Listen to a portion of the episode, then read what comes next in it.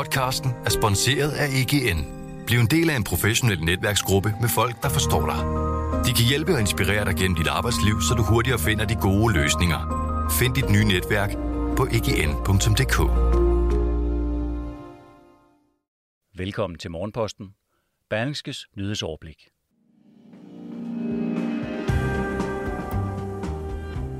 Det danske forsvar har ikke ansat en eneste tolk i Afghanistan siden 2001, har det lyttet fra forsvarsminister Trine Bramsen. Men det er en sandhed med de så berømte modifikationer. En af de største skandaler i sydamerikansk landsholdsfodbold i nyere tid udspillede sig i aftes. Og så sejler hollandske spøgelseskibe rundt i de danske farvande. Det er overskrifterne denne morgen mandag den 6. september. Jeg hedder Henriette Kirkegaard. Vi begynder med historien om de to største producenter af covid-19-vacciner, som nu skruer priserne markant op. Det sker alt imens mange lande lægger nye ordre for at forberede sig på at vaccinere deres befolkninger med et tredje stik, det såkaldte boosterstik. Pfizer, BioNTech og Moderna, producenterne bag de mest udbredte vacciner, står til at indkassere milliarder af dollar i omsætning i år, og den store efterspørgsel gør, at Pfizer nu øger prisen med mere end en fjerdedel, fra knap 115 kroner til 145 kroner per vaccinedosis. Moderna har tilsvarende øget prisen fra 142 til 160 kroner. Det fremgår af de seneste leveringskontrakter indgået mellem selskaberne og EU, som Financial Times har fået adgang til, skriver dagens Berlingske. Prisstigningerne blæser liv i den evigt tilbagevendende debat om, hvor meget medicinalselskaber kan tillade sig at tjene på livreddende medicin, fortæller senioranalytiker i Sydbank Søren Løntoft Hansen. Langt fra hele verden er vaccineret. Synet på medicinalvirksomhederne kan lide under, at de nu øger priserne. Det er en omtålig diskussion, og derfor skal medicinalselskaberne virkelig tænke sig om, siger han til Berlingske. Kaotiske scener udfoldede sig søndag aften dansk tid i mødet mellem ærkerivalerne Brasilien og Argentina.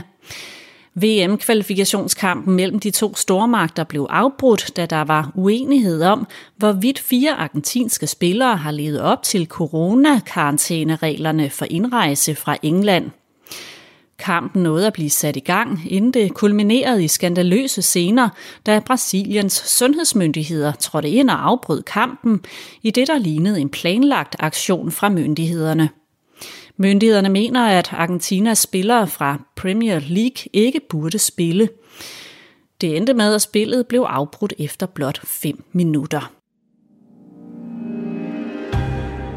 Brugen af antidepressiv medicin er faldet drastisk på 10 år, det fortæller Kristelig Dagblad på sin forside i dag. Præparatet SSRI-medicin er det hyppigst anvendte lægemiddel ved mentale lidelser som angst og depression, og det er i perioden faldet med 20 procent. Samtidig er brugen af benzodiazepiner, der bruges til behandling af angst, uro og søvnbesvær, i samme periode faldet med 37 procent. Blandt årsagerne til faldet angives en større opmærksomhed på brugen af kognitiv samtaleterapi og brugen af andre medicintyper, der ikke i lige så høj grad giver ophørssymptomer.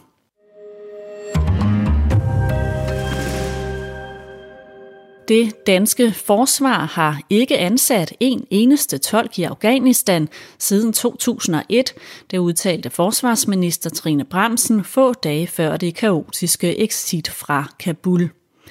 Men bag den forklaring gemmer sig en særlig finte. Den kan du høre mere om i dette uddrag af dagens lydartikel fra Berlingske.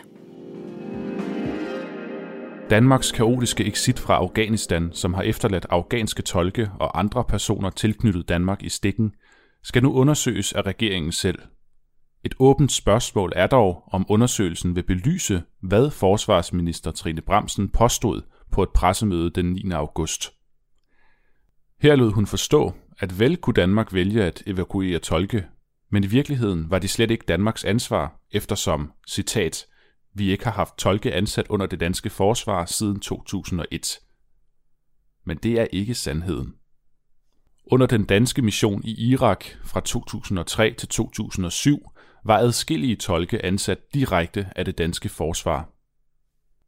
Christian Kolding, der som sprogofficer var tolkeansvarlig for mellem 20 og 30 lokalt ansatte på sit hold i Basra i 2004 og 2005, siger, Dengang ansatte vi selv tolke.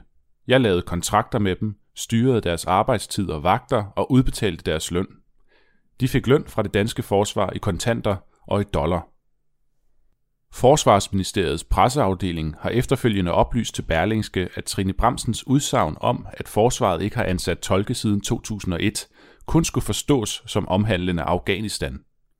Men også for Afghanistans vedkommende, at det er en sandhed med modifikationer.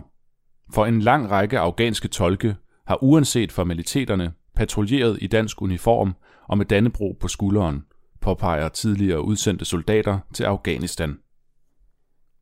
Ifølge Berlingskes oplysninger blev afghanske tolke til lige nogle gange stukket et dansk våben uden bundstykke i hånden, så det under livsfarlige patruljer kunne sende et afskrækkende signal til fjenden. I Afghanistan benyttede Danmark, hvad soldaterne omtaler som englænderfinden – den er helt central for forståelsen af, hvorfor regeringen med forsvarsminister Trine Bramsen i spidsen først 11. august og først efter lang tids pres gik med til en ny aftale om tolkeevakuering. En aftale, der skulle vise sig at lande katastrofalt sent, og blot et par dage før, at Taliban overløb Kabul.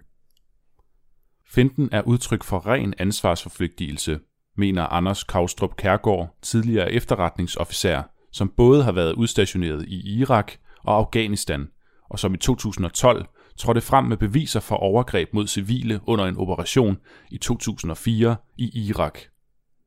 Og hvad er så englænderfinden? I modsætning til i Irak, hvor forsvaret altså selv hyrede tolkene, blev det arrangeret sådan i Afghanistan, at de danske styrker hyrede sine lokale tolke gennem sin tætte militære samarbejdspartner Storbritannien og et civilt amerikansk firma – de dusinvis af afghanske tolke, som assisterede de danske styrker i Afghanistan, havde således ikke juridisk bindende kontrakter med det danske forsvar, men derimod med den britiske regering, repræsenteret ved Labour Support Units og det private amerikanske selskab Mission Essential Personnel. Ifølge forsvaret har Danmark siden 2001 anvendt op mod 300 afghanske tolke og andre lokalt ansatte. Du hørte lyden af artiklen, som journalisterne Steffen Nybo Magi og Michael Bjerre står bag, og som kan læses og høres i sin fulde længde på berlingske.dk.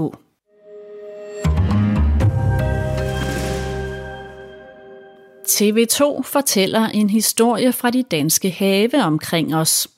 Enorme hollandske bombtrollere forsøger bevidst at skjule sig, når de befinder sig på dansk område – en optælling, som tv-stationen har lavet i samarbejde med research-kollektivet Noir og den hollandske avis NRC Handelsblad, viser, at 30 ud af 31 hollandske trawlere, der i år har sejlet i danske farvande, hyppigt har sejlet som såkaldte spøgelseskibe.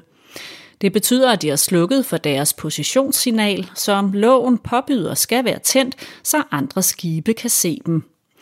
Udover at det er direkte farligt for andre både i områderne, tyder det også på ulovligt fiskeri, som forsøges skjult. De ødelægger vores fiskeri, men der er ingen, der gør noget, siger René Olsen, der fisker i Hanstholm til TV2. Danmarks historiens hidtil største, rigeste og flotteste guldskatte er nu blevet udgravet. Fundet blev gjort lidt uden for Jelling i december sidste år, men nu er det blevet udgravet, skriver Jyllandsposten. Skatten er på knap 1 kilo guld og består blandt andet af medaljoner på størrelse med underkopper og romerske mønter, der er lavet om til smykker. Ifølge arkeologerne blev skatten nedgravet for omkring 1500 år siden. Naturens uge begynder denne mandag. Det betyder, at skoler og daginstitutioner tager ud og udforsker naturen i det ganske land. Der afholdes hundredvis af natur- og friluftsarrangementer. Og som voksen skulle der heller ikke være noget til hinder for at bevæge sig ud i naturen, hvis muligheden byder sig. Og hvis du der bliver træt af fuglefløjt og havets brusen, kan du gå og lytte til den seneste udgave af Berlingskes nyhedspodcast Pilestræde, som hver dag udfolder en aktuel historie. Ha' en rigtig god mandag. Tak fordi du lyttede med. Podcasten er sponsoreret af PVC. PVC støtter op om Talent 100. Hos PVC er du både en del af en markedssucces og et sted, der er rart at være. Det er i samspillet mellem de to, at tilliden opstår, karrieren udvikler sig, og vi sammen skaber løsninger for erhvervslivet og for samfundet. Vil du være en del af vores stærke fællesskab i PVC, så tjek pwc.dk-karriere.